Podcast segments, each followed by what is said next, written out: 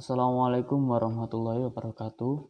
Saya Isron Dwi Maulana dari Prodi S1 Keperawatan tingkat 1 dengan NIM 20249. Di sini saya akan menjelaskan tentang kerangka konsep home care, the rise model dynamic self, determination self of self care.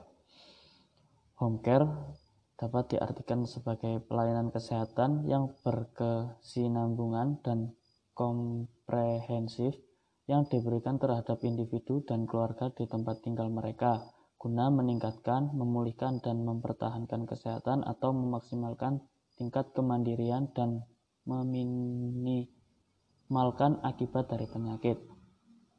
Pemberian pelayanan yang dimaksud adalah tenaga kesehatan.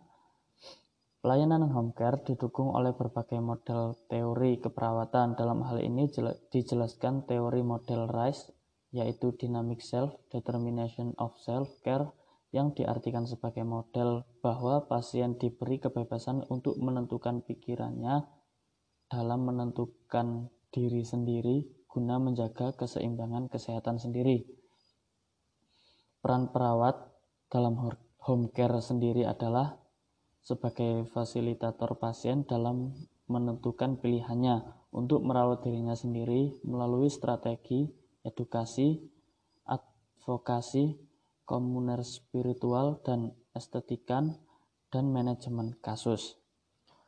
Untuk menentukan nasib sendiri secara dinamis, untuk perawatan diri memungkinkan pasien untuk menjembatan atau kesenjangan antara kebutuhan dan pencapaian tujuan.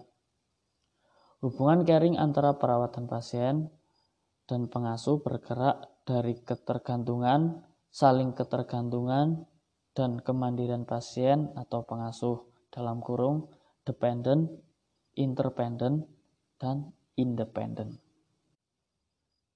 Berikut adalah tiga tahap perhitungan caring antara perawat pasien dan caregiver. Yang pertama, dependent. Pada tahap awal, perawat akan melakukan sebagian besar perawatan pada pasien, kemudian memulai melakukan pendidikan kesehatan, memberikan pengetahuan, dan melatih klien atau pengasuh pasien dalam merawat pasien. Kedua, independent.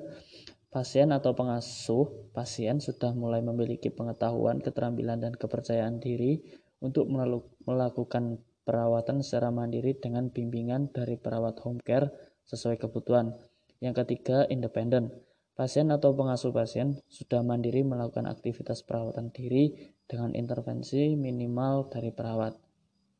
The Dynamic Self Determination for Self-Care memiliki beberapa permis sebagai berikut. Yang pertama, setiap orang memiliki pengaruh yang besar terhadap kesehatan masing-masing.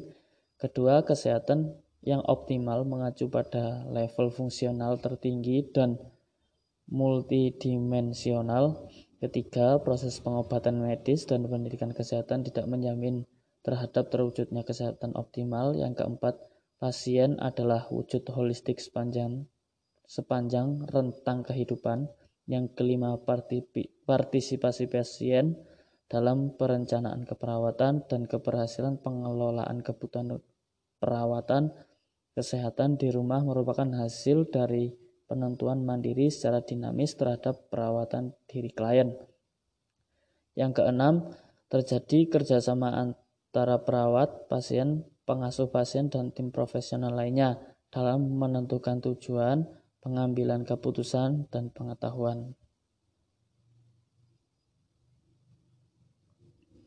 Yang ketujuh, pasien atau pengasuh berbagi tanggung jawab dalam merawat pasien yang difasilitasi oleh perawat home care.